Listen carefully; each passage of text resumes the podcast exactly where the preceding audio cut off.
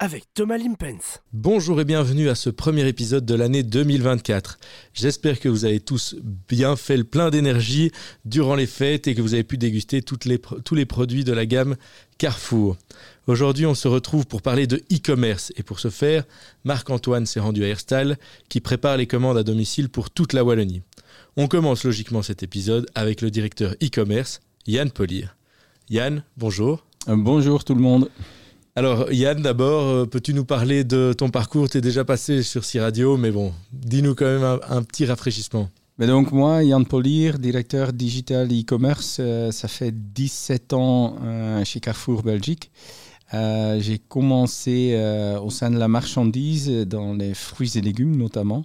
Et en 2017, j'ai fait le passage vers les e-commerce et depuis là, je suis responsable de la partie e-commerce pour Carrefour Belgique. Eh bien, merci. Et donc, tu parles de e-commerce. Qu'est-ce que représente le e-commerce chez Carrefour? Ben, euh, C'est vrai que Carrefour a déjà une euh, histoire euh, riche dans le domaine du e-commerce. Nous avons commencé avec Carrefour Drive en 2009. le fameux retrait en magasin. Nous avons ajouté la livraison à domicile traditionnelle. En 2017, nous avons créé la boîte repas Simply U-Box. Et entre-temps, il y a eu euh, nos collègues euh, de l'équipe innovation qui ont testé euh, plusieurs services comme Ship2 et des partenariats avec Deliveroo et Uber. Euh, et donc, notamment Ship2 et justement ces partenariats Deliveroo et Uber Eats, euh, nous avons tous consolidé et aujourd'hui, on euh, offre quatre services e-commerce le Carrefour Drive, Carrefour Delivery, qui est la, la livraison à domicile traditionnelle, la Carrefour Fast Delivery, l'ancien Ship2, et Quick Commerce. En fait, Quick Commerce, c'est un terme assez nouveau qui euh, veut dire la livraison à domicile express dans la demi-heure. Et donc, euh, pour faire ça, nous avons des partenariats avec euh, Deliveroo, Uber Eats et Just Eat Takeaway. D'ailleurs, nous sommes le seul grand distributeur en Belgique qui sont sur, présents sur ces plateformes-là. Et donc, avec ça, on a ces quatre services qu'on offre aujourd'hui à nos clients. Ok, très intéressant. Et alors, qu'est-ce qui, quelles sont les attentes de Carrefour pour l'année 2024 en e-commerce? Ben, euh, En fait, c'est très simple. Euh, c'est d'augmenter euh, le chiffre d'affaires de 50%. C'est vrai que l'année 2023 a été une année de, transition parce qu'on est retourné à une préparation de commandes e-commerce en magasin. donc aujourd'hui, tout l'e-commerce est préparé en magasin, aussi bien pour Drive que pour la livraison à domicile, que pour Fast Delivery et pour la Quico. Euh, et donc, euh, tout ça a été mis en place pendant l'année 2023. L'année 2024 doit devenir l'année de la confirmation qu'on a pris la bonne décision stratégique. Et donc, euh, c'est vraiment notre volonté d'investir et de faire augmenter ce chiffre d'affaires de 50%. Euh, pourquoi on veut faire ça? Je pense que c'est quelque chose d'important. Euh, nous avons bien constaté qu'un client omnicanal dépense beaucoup plus chez nous, chez Carrefour Belgique. Euh, en fait, on s'est rendu compte qu'un client qui achète dans différentes BU et en ligne achète plus que trois fois de plus chez euh, Carrefour Belgium qu'un client qui fait ses courses que dans un BU euh, physique. Donc, euh, c'est très important d'offrir les e-commerce justement pour garder nos, meilleurs clients, nos clients le plus fidèles. Ok Yann, merci. Donc on a compris que le e-commerce, ça va... vous avez un gros objectif sur 2024. Il y a eu beaucoup de mots qui ont été cités. Quick commerce, on, on, va en savoir plus lors des interviews qui vont suivre. donc on verra. Mais j'ai une dernière question pour toi. Est-ce que tu as une chanson à nous partager? Mais oui, euh, la dernière fois, j'ai euh, choisi euh, Hotel California de, de, Eagles. mais cette fois-ci, avec 2024 et avec les challenges qu'on a devant nous, je veux choisir une chanson un peu plus up-tempo. Et donc, je voudrais proposer Usher avec IA. Parfait, on s'écoute Usher. Merci beaucoup, Yann. Merci. Salut.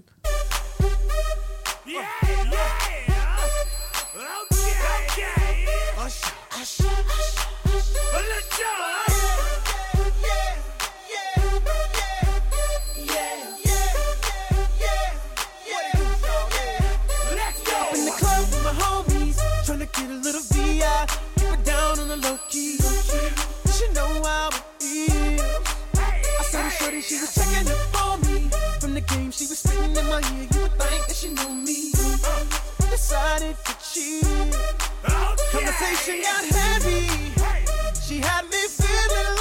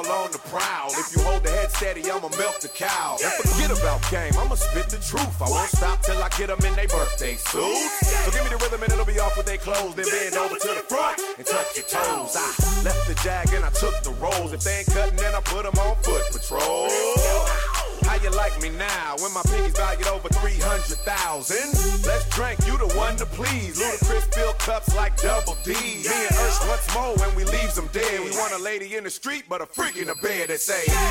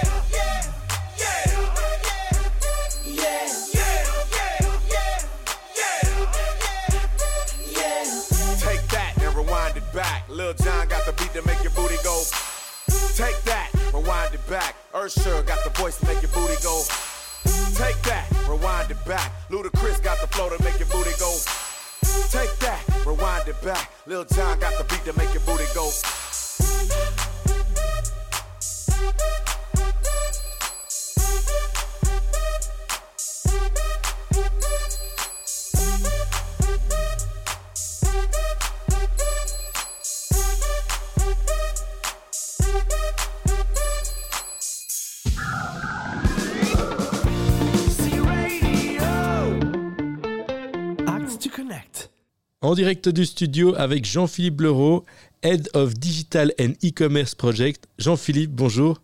Bonjour à toutes, bonjour à tous. Alors Jean-Philippe, il est de coutume de commencer par ton parcours. Peux-tu nous dire ce que tu fais chez Carrefour?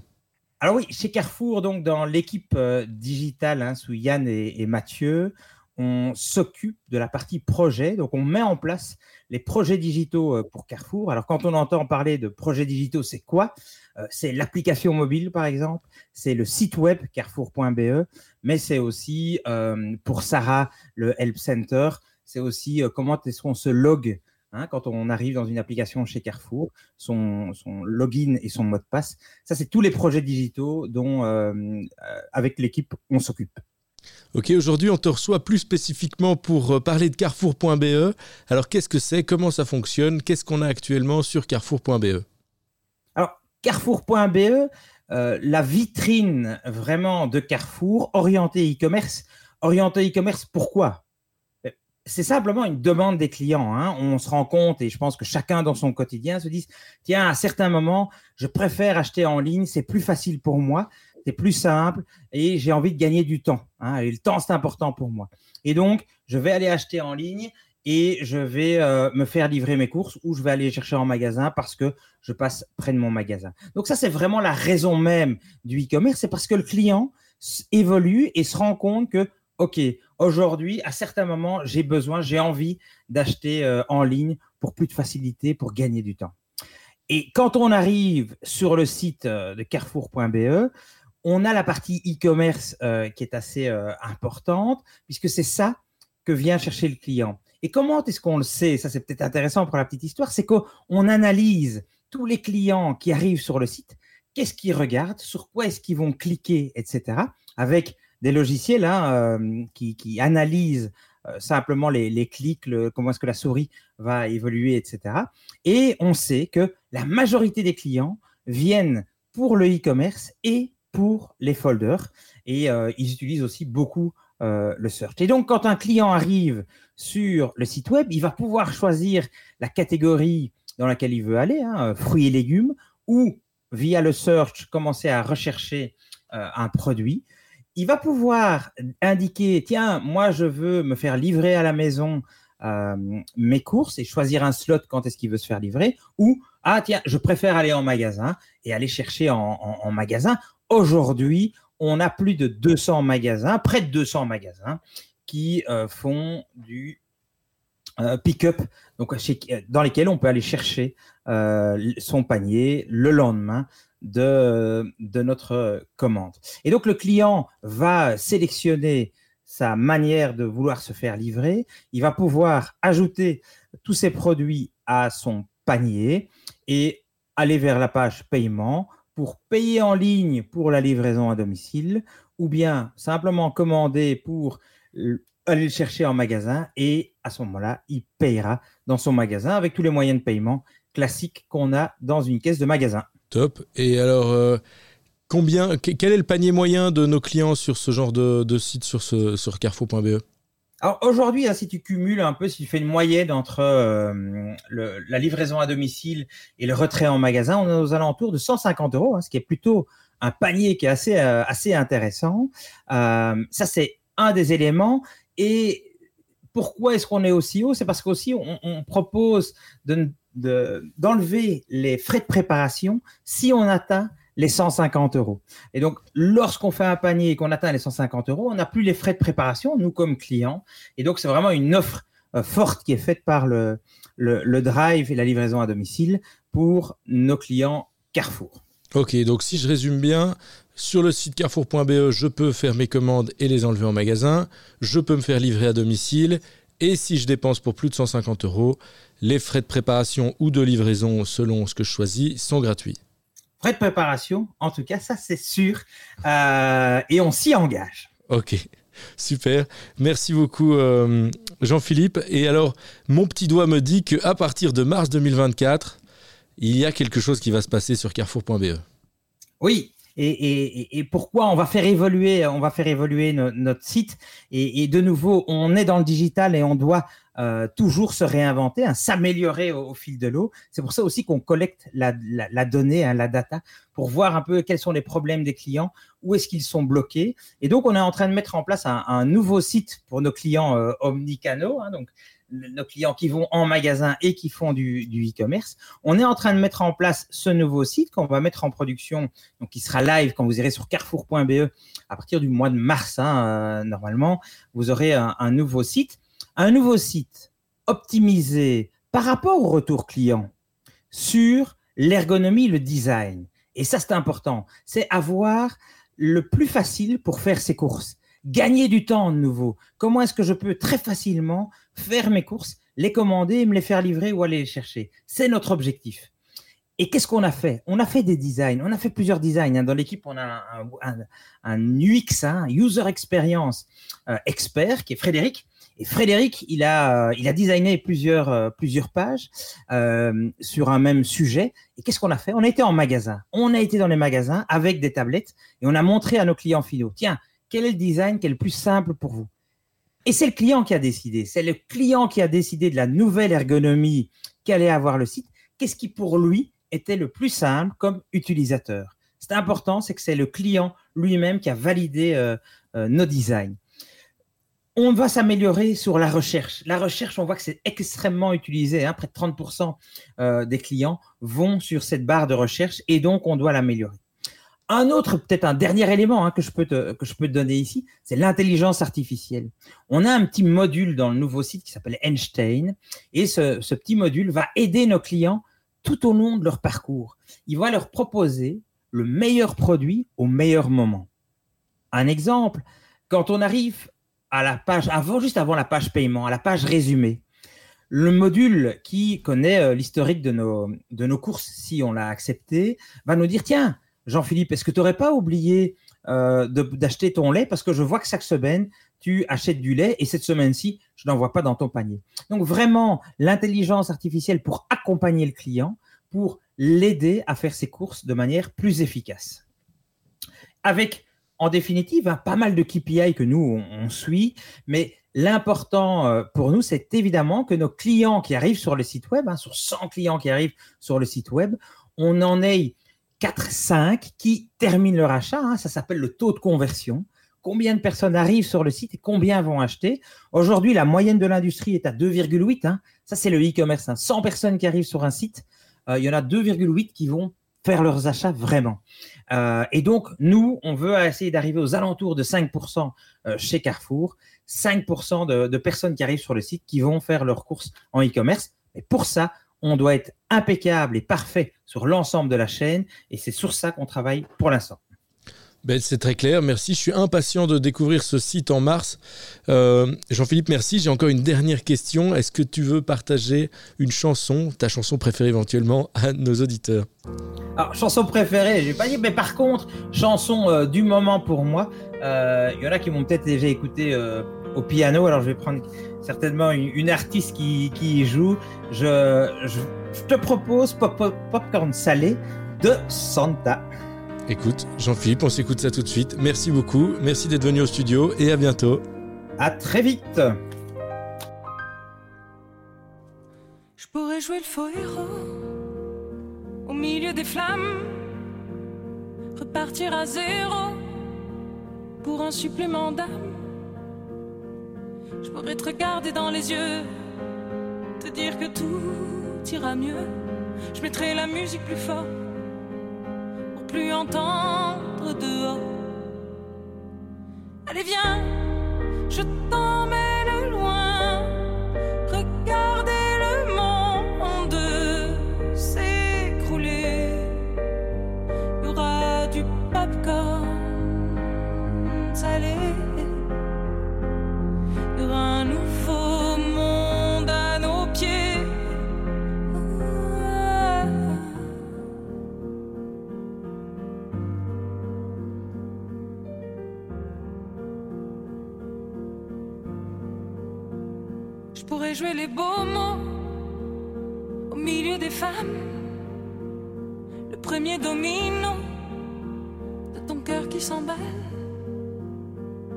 Je pourrais te regarder dans les yeux, te dire qu'avant c'était mieux.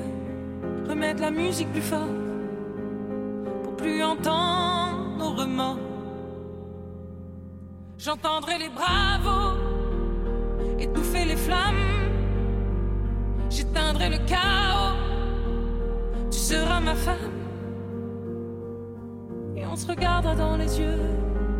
Dire que demain sera mieux. Je chanterai toujours plus fort pour qu'on m'entende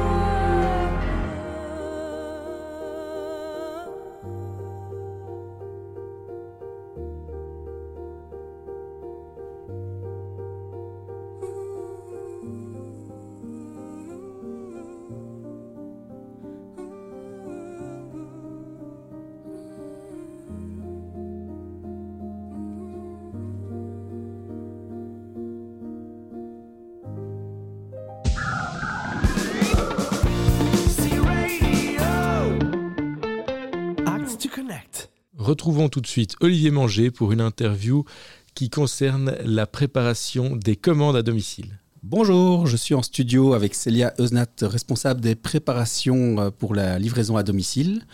Bonjour Célia. Bonjour Olivier. Alors est-ce que tu peux te présenter un petit peu pour nos auditeurs? Alors euh, bah, comme tu l'as dit, moi je m'appelle Célia et je suis responsable de la partie préparation pour la livraison à domicile. Euh, donc il y a deux parties dans la livraison à domicile, la préparation et le transport et moi je fais que la partie préparation. Ok, alors euh, tu peux nous en dire plus ton parcours chez Carrefour? Oui, alors moi j'ai commencé en tant que VIE chez Carrefour euh, il y a deux ans et demi. Euh, j'ai fait un an de VIE euh, au sein de l'entrepôt de Willowbrook. J'étais responsable des indicateurs de performance. Et maintenant, enfin après ça, je suis passée warehouse manager, toujours sur le site de Willowbrook. Jusqu'à sa fermeture en avril dernier. Et euh, je suis maintenant responsable du coup de la préparation pour la livraison à domicile dans les euh, différents magasins. Oui, donc effectivement, euh, c'est bien que tu en parles, c'était ma prochaine question. donc on a eu un gros changement en 2023. Est-ce que tu peux nous expliquer un peu ce changement?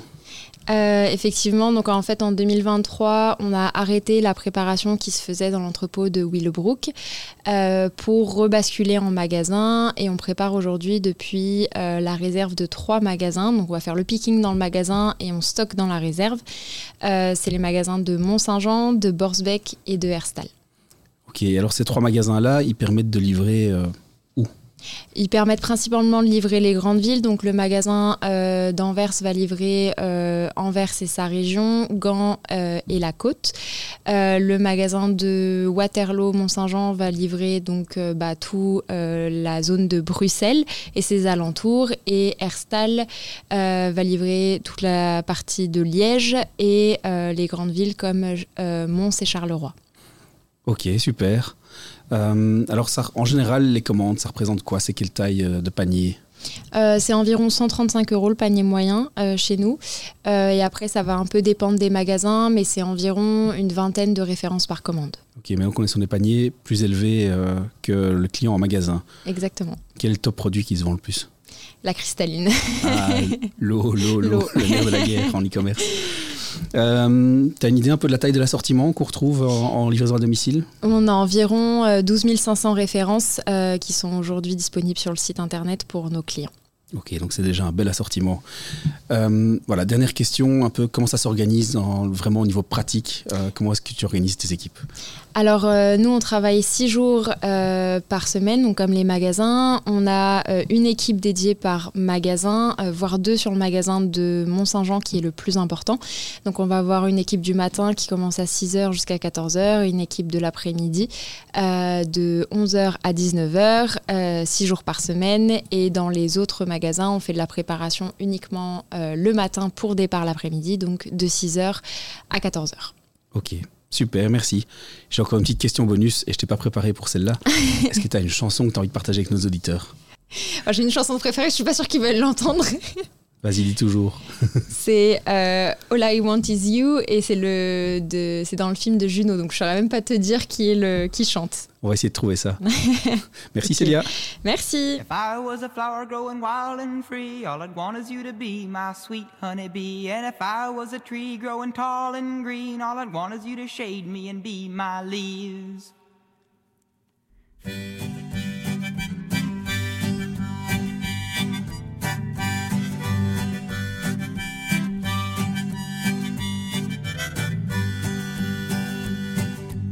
I was a flower growing wild and free, all I'd want is you to be my sweet honeybee. And if I was a tree growing tall and green, all I'd want is you to shade me and be my leaves.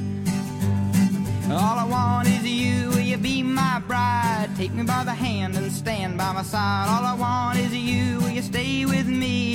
Hold me in your arms and sway me like the sea.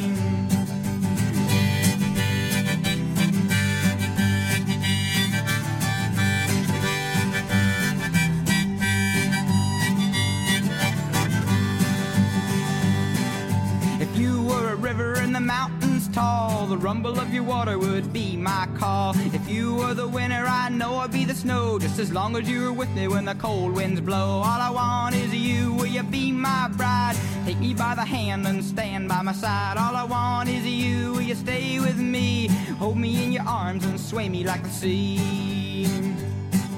If you were a wink, I'd be a nod. If you were a seed, well, I'd be a pod. If you were a floor, I'd wanna be the rug. And if you were a kiss, I know I'd be a hug. All I want is you, will you be my bride? Take me by the hand and stand by my side. All I want is you, will you stay with me? Hold me in your arms and sway me like the sea.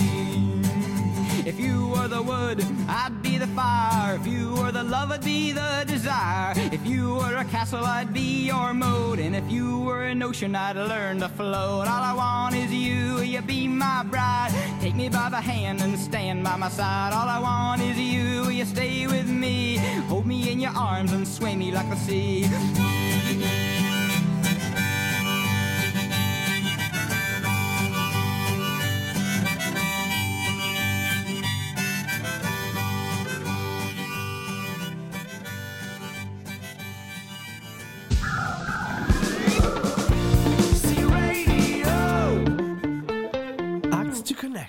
Partons directement à Herstal avec Marc-Antoine Cazenave. Bonjour, je suis avec Patrick Van Gesten à Herstal qui est superviseur de la LAD. Le magasin a ouvert sa LAD euh, en octobre dernier et Patrick va nous raconter un peu euh, l'ouverture, l'organisation et peut-être euh, beaucoup plus de choses. Bah, bonjour. Oui, donc voilà, je suis donc le superviseur. Pour l'instant, on est en un shift, donc il n'y a qu'un seul superviseur, moi. J'ai un assistant pour l'instant qui est en formation et donc euh, le matin, on sort toutes les commandes euh, via l'ordinateur. je distribue le travail à tout le monde. Et il y a des contrôles qualité qui se font automatiquement. Enfin, automatiquement. On fait les contrôles qualité. Et, euh, pardon, et toutes les chasses manquantes. Donc, quand il manque des articles en rayon ou les dates de péremption qui qui ne sont pas correctes. Et voilà un petit peu pour l'instant comment ça se passe. Ok, donc si je comprends bien, vous avez vous êtes un peu en trois équipes, c'est ça? Non, on n'a qu'une seule équipe, donc 6-14. Donc on a, on a plusieurs, euh, plusieurs piqueurs, plusieurs, euh, enfin, plusieurs piqueurs. Il y a un stacker et un qui fait les contrôles qualité. Ok, ça marche. Et depuis que ça a ouvert en octobre, est-ce que vous, ça, ça augmente un peu la LAD Airstal Comment ça se passe? Est-ce que vous sentez que ça, ça pousse? Au tout début, c'est vrai que c'était très calme. Et puis tout doucement, ça commence à, monter. On espère euh, évidemment arriver à beaucoup plus de commandes. Bon, ça, euh, on espère, on croise les doigts, mais c'est pas nous qui décidons. Ça marche. Euh, peut-être encore juste une dernière question un peu sur tout ça. Comment ça se passe avec le magasin? Voilà, votre, vous êtes arrivé ici à Herstal. Comment ça se passe la vie avec le magasin, avec les autres employés? Est-ce qu'il y a des choses que vous avez dû aménager aussi pour vous, pour avoir vos espaces Oui, on a, on a on a eu une zone qui était aménagée d'abord dans le magasin pour euh, tout ce qui était animaux. Donc on a récupéré toute cette zone-là. Et donc on a agencé, on est toujours en train d'agencer tout doucement la, zone. Mais sinon, la, la, vie quotidienne avec euh, les autres membres du magasin et les autres sections se passe très bien. Donc on, on, de temps en temps on donne un coup de main au drive sans leur faire concurrence, hein, parce que voilà, parce que c'est à peu près la même chose. Livraison à domicile et drive, c'est plus ou moins la même chose. Mais voilà, donc tout se passe très bien pour l'instant. Trop bien. Eh ben merci Patrick euh, pour toutes ces explications. J'aurais une dernière question et je crois que tu t'y attends vu que tu as déjà entendu les épisodes de C-Radio. C'est de me donner la chanson préférée ou du moment que tu as envie de partager avec le magasin. Et si tu as une explication aussi sur pourquoi celle-ci, n'hésite pas. Euh, explication pourquoi celle-ci Parce que tout simplement parce que j'adore cette chanson-là. Ma compagne aussi, bon, elle n'entendra pas, mais je sais qu'elle adore aussi. Donc c'est Queen, Don't Stop Me Now. Trop bien. Et eh ben écoute, on va écouter ça avec plaisir et ça fera une bonne ambiance dans le magasin dès le matin. Merci beaucoup, Patrick.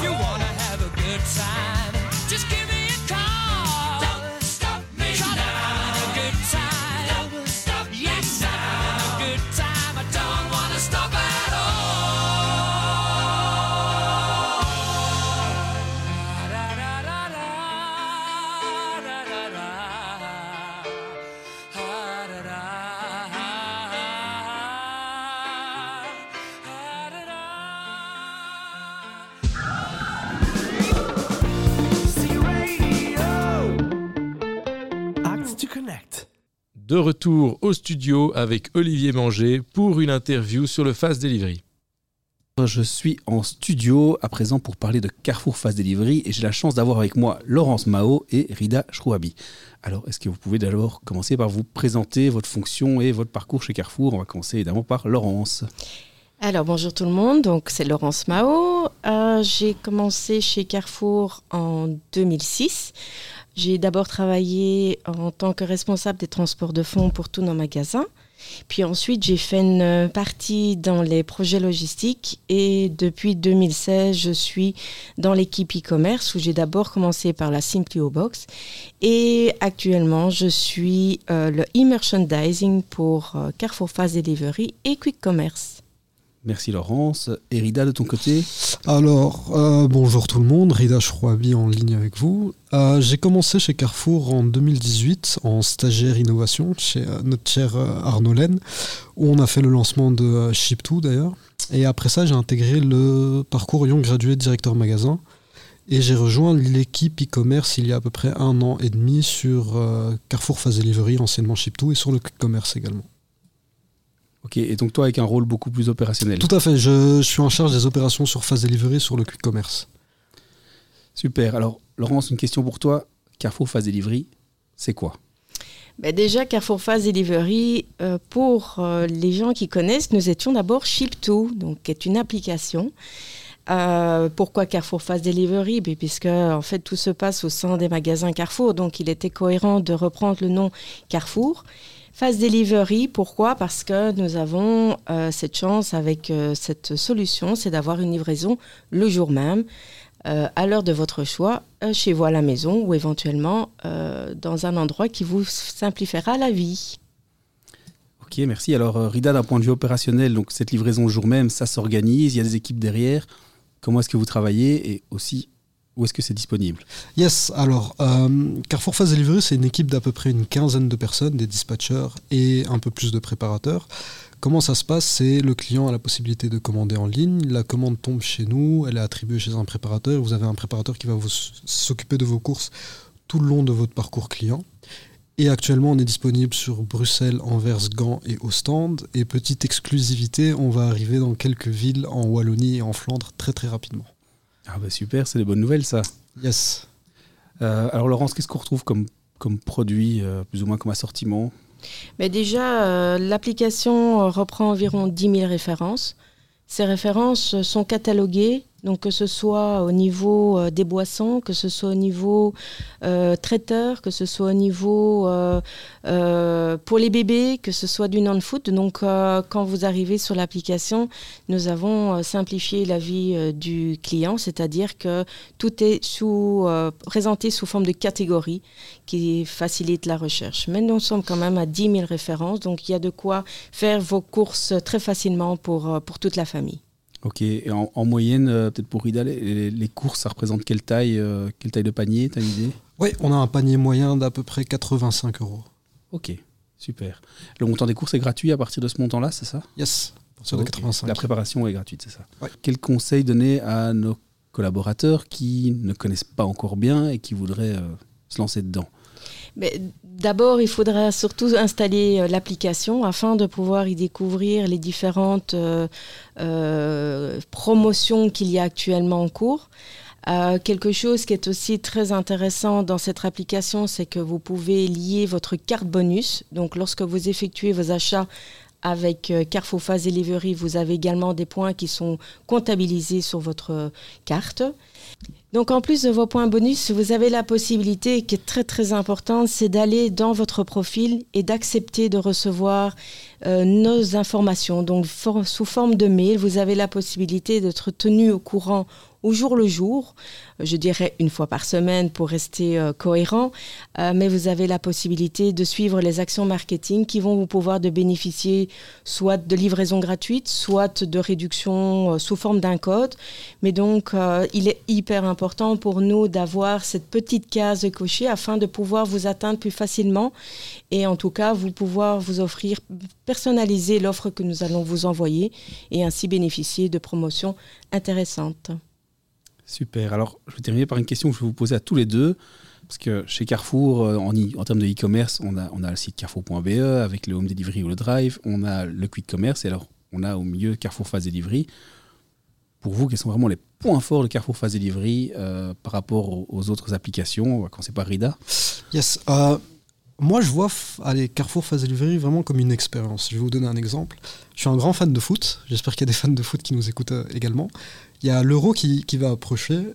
Imaginez juste, vous êtes à la maison, vous voulez préparer un apéro ou un barbecue ou autre avec, euh, vos amis. Mais Phase Delivery vous donne la possibilité d'avoir un préparateur qui va faire vos courses comme si vous y étiez, pendant que vous êtes à la maison en train de regarder le match avec, euh, avec vos amis, vos collègues, profiter du match et espérant d'une victoire de la Belgique. Et du coup, pour moi, c'est vraiment ça, Fast Delivery, c'est avoir un préparateur qui vous suit du début jusqu'à la fin de vos courses, qui va faire les courses comme si vous y étiez. Et en plus de ça, vous avez la possibilité d'avoir un dispatch qui est en contact avec vous 6 jours sur 7, de 9h à 20h, et qui répond à toutes vos questions et à toutes vos interrogations. C'est ça pour moi, Fast Delivery. Ok, je pense effectivement c'est important d'insister sur euh, le collaborateur qui vous appelle s'il y a un produit qui manque et tout ça. C'est assez unique euh, et donc ça c'est quand même pratique parce que voilà on n'a pas toujours tous les produits disponibles en magasin, mais parfois on est très content avec le produit à côté et si on a le collaborateur qui nous le propose, c'est encore plus simple. Laurence, tu- tu voudrais ajouter à ça?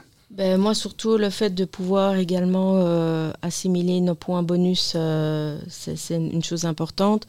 Une chose aussi euh, qui est très importante, c'est que le paiement est en ligne. Donc, quand vous recevez votre, vous réceptionnez vos courses, eh bien, vous n'avez juste qu'à prendre vos sacs et tout de suite en profiter. Voilà, je dirais que pour moi, en tout cas, Fast Delivery est quelque chose qui, pour euh, au quotidien, m'apporte beaucoup de- d'avantages par rapport à un quick commerce où le, le- comment- le- le nombre de références est moindre et Fast Delivery, on est sur des plus grosses courses. Donc euh, voilà, voilà pourquoi je choisirais Fast Delivery. Ouais, Ri- Rida, on a une limite de poids dans les commandes euh, Du coup, non, il n'y a pas de limite de poids, mais euh, sur, euh, sur le drink, par exemple, euh, on va limiter le nombre de packs par commande. Ok, oui, normal. Ça va. Mais euh, il me reste une. Ah, avant, avant la dernière question, est-ce que j'ai pas vu sur Workplace qu'il y a un code pour les collaborateurs? Oui, donc euh, vous avez un, un code en tant que collaborateur pour vous faire livrer gratuitement et le code c'est Easy Life 24. Donc Easy Life 24. Donc n'hésitez pas à l'utiliser. Bah, il porte bien son nom, ce code. Euh, eh bien, on va terminer avec une question qui n'a rien à voir avec Carrefour Face Delivery. Est-ce que l'un de vous deux a une chanson à partager avec nos auditeurs? Ah, Laurence, tu m'as fait écouter une chanson incroyable tantôt. Euh, mais j'ai oublié le nom. Euh, la Chocho Synchro? Bah, C'est ça, la chouche sacro. On s'écoute ça. Un tout grand merci à tous les deux, en tout cas. Merci à toi. Merci. Au revoir. Au revoir. Si tu comptes faire la cheuche, alors fais souple, souple, ferme. Si tu ne veux pas te claquer, alors fais souple, souple, ferme. Prends ta place dans la cheuche en faisant souple, souple, ferme. En colonne bien alignée, criez tout souple, souple, ferme. La cheuche synchro. Cadence, gauche, gauche.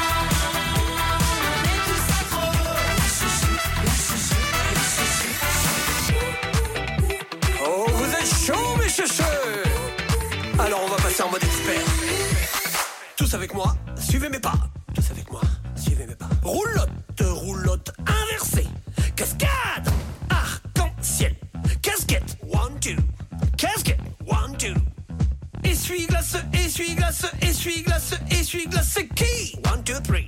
Se morire, se morire. One, two, three. Se.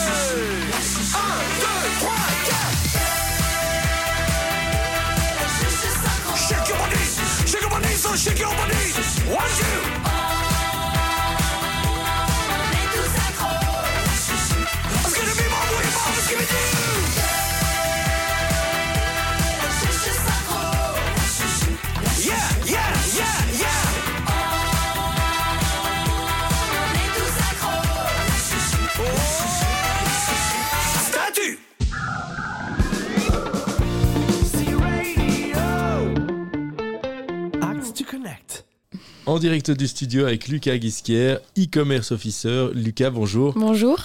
Alors Lucas, on commence par la question habituelle. Peux-tu nous parler de ton parcours chez Carrefour? Oui, donc j'ai commencé en tant que stagiaire dans le département du e-commerce en février 2023 pendant quatre mois. Olivier Simons était mon maître de stage à ce moment-là. Euh, et je m'occupais principalement de la mise à jour du site donc, euh, de carrefour.be, donc créer des carousels, faire la mise en place des PLP, booster des produits, etc. Euh, début juin, mon stage s'est terminé. Puis après, en juillet et en août, j'ai eu- l'opportunité de faire mon job d'étudiant. Euh, et puis, euh, bah, donc passionné par l'e-commerce, j'ai sauté, tout de suite sauté sur l'occasion. Et puis après, enfin, en octobre, j'ai officiellement commencé en tant que e-commerce officer dans le département e-commerce. Euh, Aujourd'hui, je suis responsable de toutes les actions marketing pour le quick commerce, donc euh, avec les trois partenaires Deliveroo, Just Eat Takeaway et euh, Uber Eats. Et je discute, propose et mets en place des actions avec les partenaires, mais aussi avec les fournisseurs. Et là, Olivier Manger m'aide avec ça aussi. Donc c'est un job très varié qui me permet d'avoir des contacts externes mais aussi internes afin de saisir toutes les opportunités pour faire grandir l'e-commerce. Eh bien, félicitations en tout cas pour, euh, pour euh, ton stage et- Merci. Et, donc euh, ton, ton emploi chez nous. Euh, ça prouve que tout peut arriver aussi pour, pour un stagiaire. Exactement. Euh, J'en profite aussi pour dire qu'Olivier Manger est avec nous dans le studio pour, et nous écoute aussi. Seconde question, donc euh, Lucas, tu es ici pour nous parler de e-commerce.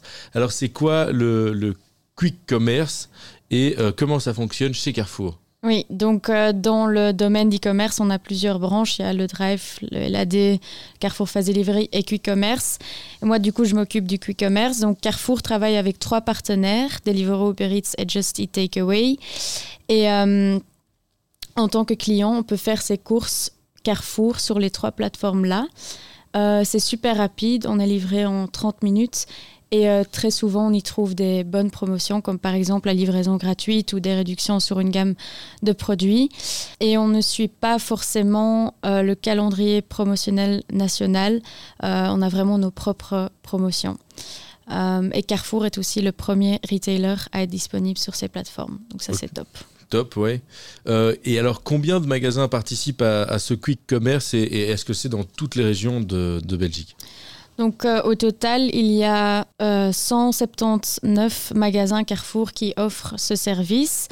Euh, parfois, les magasins ont un de ces trois plateformes, parfois plusieurs. Et actuellement, il y a 71 magasins qui disposent du service Deliveroo, 64 qui disposent du service Uber Eats et 44 euh, qui ont le service Takeaway. Takeaway a le moins de Carrefour, est le moins présent dans les magasins Carrefour, mais c'est normal parce qu'on vient juste de commencer la collaboration avec Just Eat Takeaway.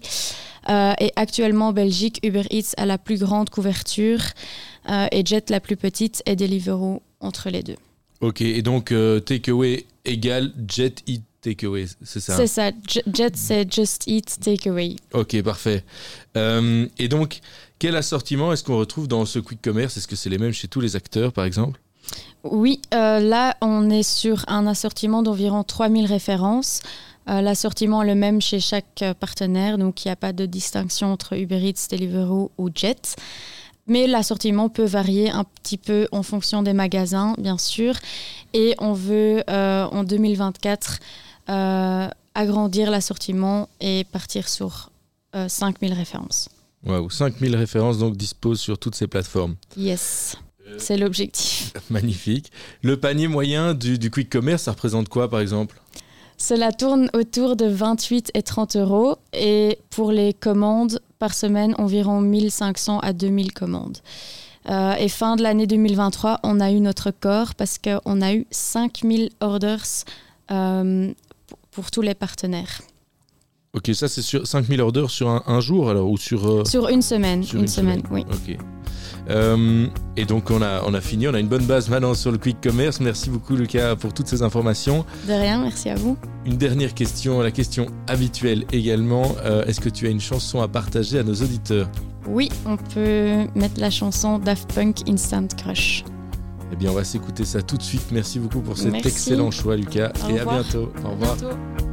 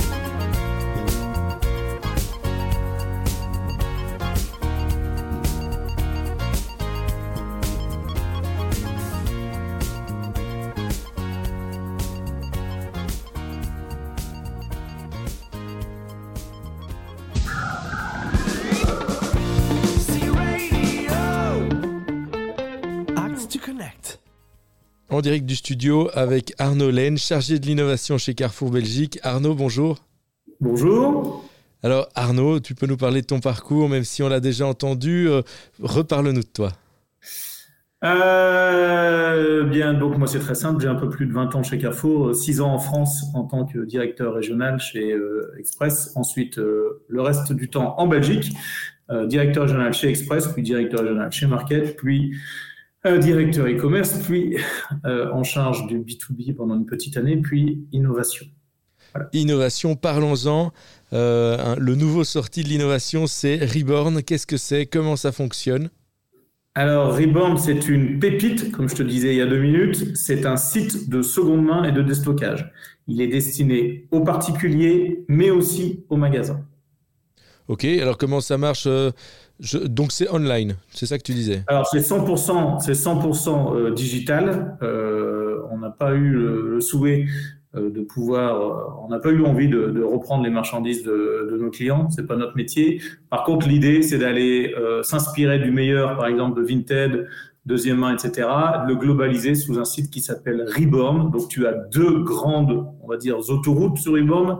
La première, c'est Thomas qui va vendre son pull à Arnaud et Arnaud va acheter le pull à Thomas. Très bon choix Parce que d'ailleurs. si Thomas en demande 20 euros, il va recevoir 22 euros.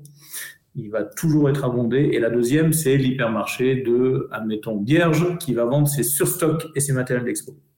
Ok, donc on compte sur les magasins pour, euh, pour bien mettre ma- ma- marchandises sur, les, sur la plateforme. Exactement. On compte à fond sur les magasins. Sans les magasins, on n'y arrivera pas, c'est sûr et certain. Ok, très clair. Est-ce que tu as quelque chose à rajouter sur Reborn euh, pour nos auditeurs?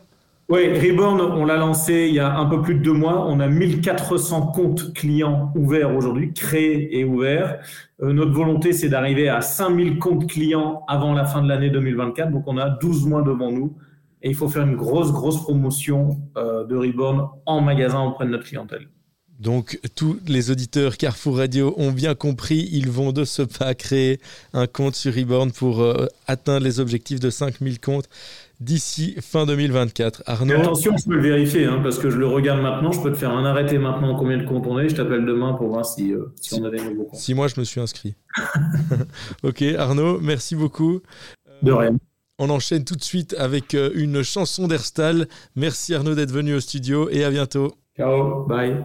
Bonjour, euh, c'est Cédric, manager back-office. Euh, je vais vous partager une chanson de mon collègue Guy. Euh, c'est la chanson des Scorpions, Whi- White of Change.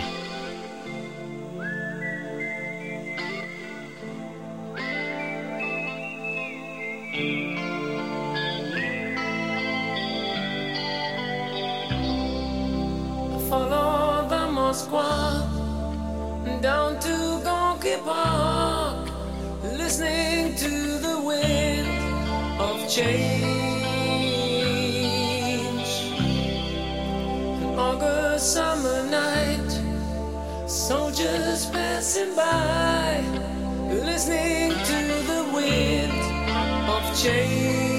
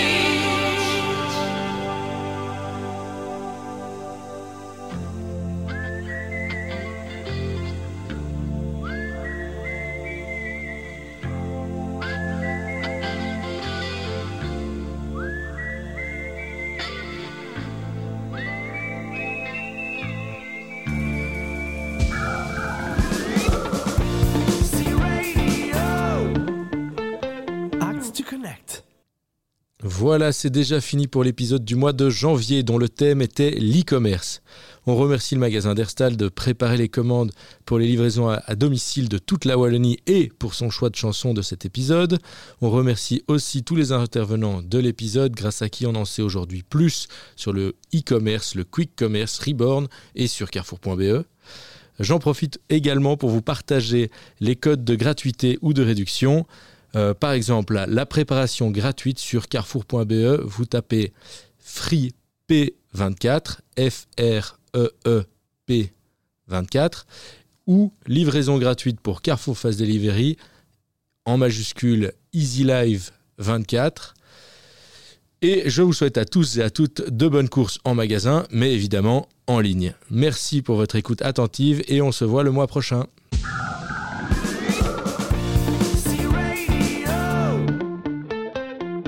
Avec Thomas Limpens.